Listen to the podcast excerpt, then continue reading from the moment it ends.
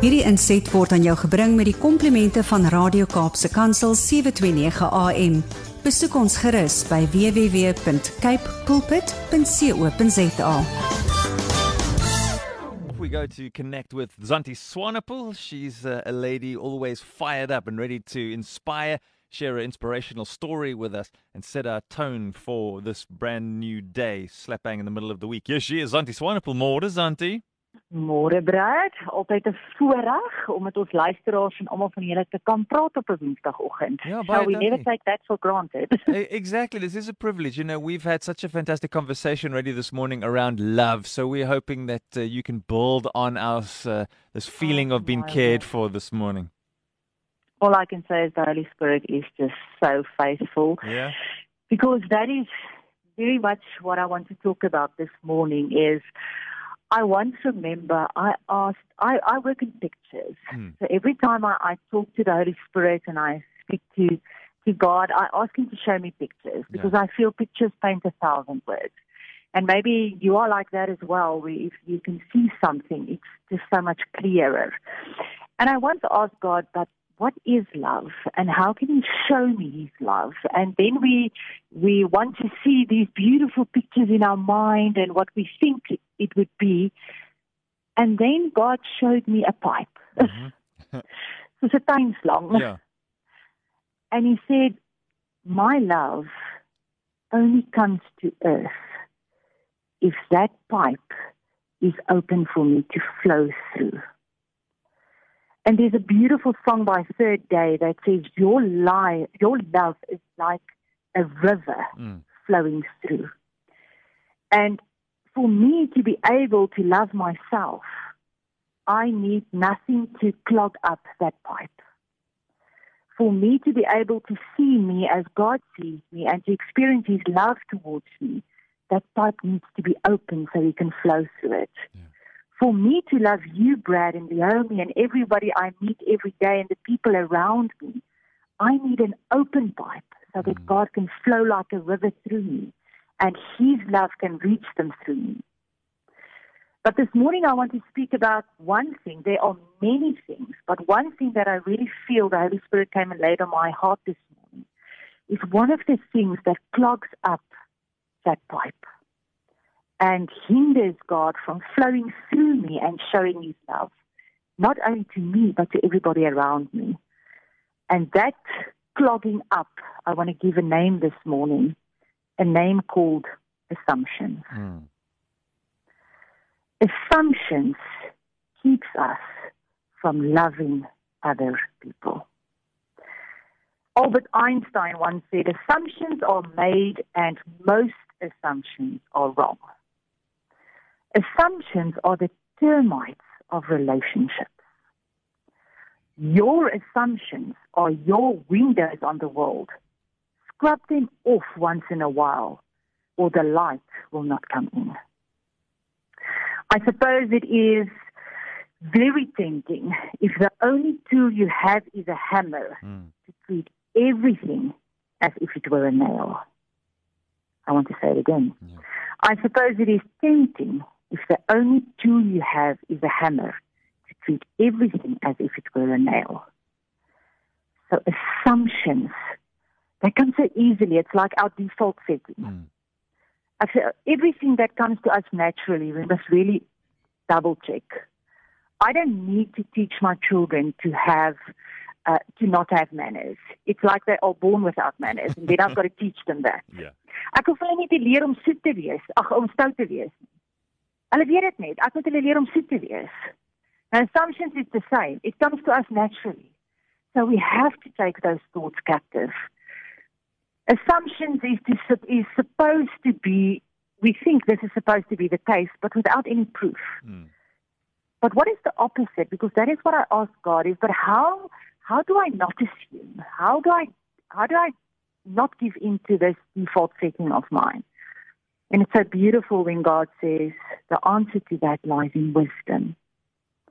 Because wisdom, according to the Webster's Unabridged Dictionary, says it's knowledge and the capacity to make due use of it. It's so beautiful if God says, we can ask for wisdom.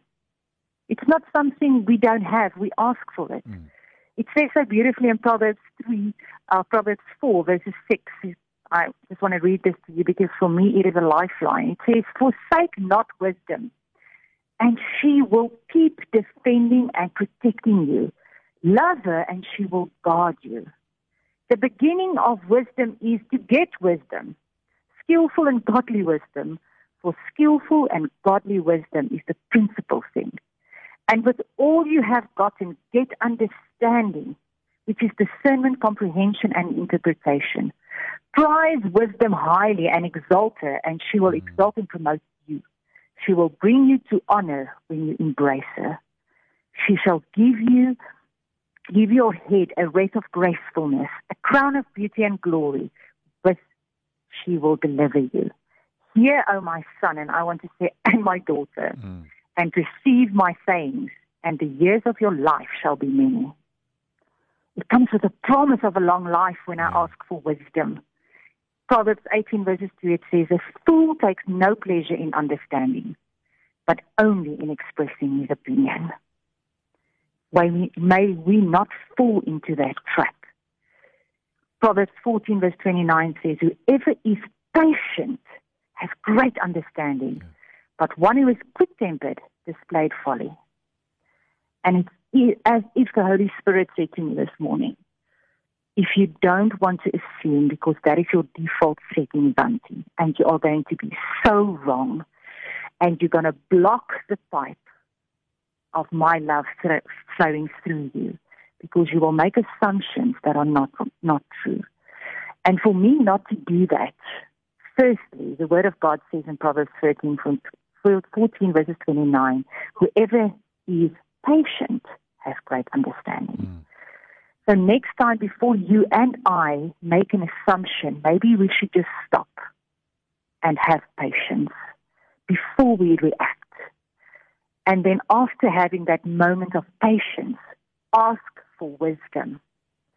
Because wisdom will give me the understanding. Now I want to end off this morning with a beautiful story that I that I told many years ago, but Mm. it's so applicable and God just brought it back to my my attention this morning. And may this encourage you. May this help you this morning as as the Holy Spirit really spoke to me and helped me to not assume so that I'll be able to love people and not judge them. Because after assumption comes judgment. And that is not what God has for us. Yeah. We have to be an open pipe, not blocked, not blocked, for His love to flow through us. You see, a father and his daughter were playing in the park. His young daughter spotted an apple vendor. She asked her father to buy her an apple. Of course, father did not bring much money with him on that walk, but it was enough to purchase two apples. So he bought two apples and gave it both to his daughter. His daughter held one apple in each of her two hands. Then her father asked her if she would share an apple with him. Upon hearing this, his daughter quickly took a bite from one apple. And before her father could speak, she also took a bite from the second apple. her father was surprised. he wondered what mistake he made raising his daughter, that she acted in such a greedy way. His mind was lost in thoughts that perhaps he's just overthinking, or his daughter is just too young to understand about sharing and giving. His smile disappeared from his face very quickly. And suddenly his daughter, with an apple in one hand, said, Daddy, Daddy, have this one.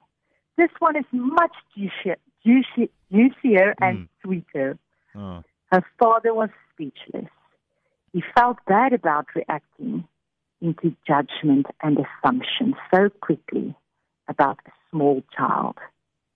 But his smile come back, came back now, knowing why his daughter quickly took a bite from each apple. Don't assume.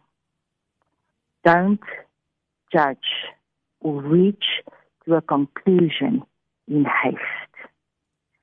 May we have patience that brings understanding to first really know what the situation is.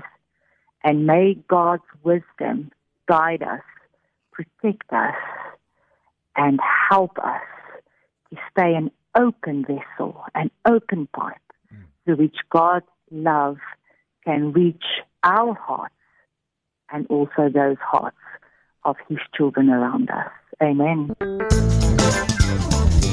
Hierdie inset was aan jou gebring met die komplimente van Radio Kaapse Kansel 729 AM. Besoek ons gerus by www.cape pulpit.co.za.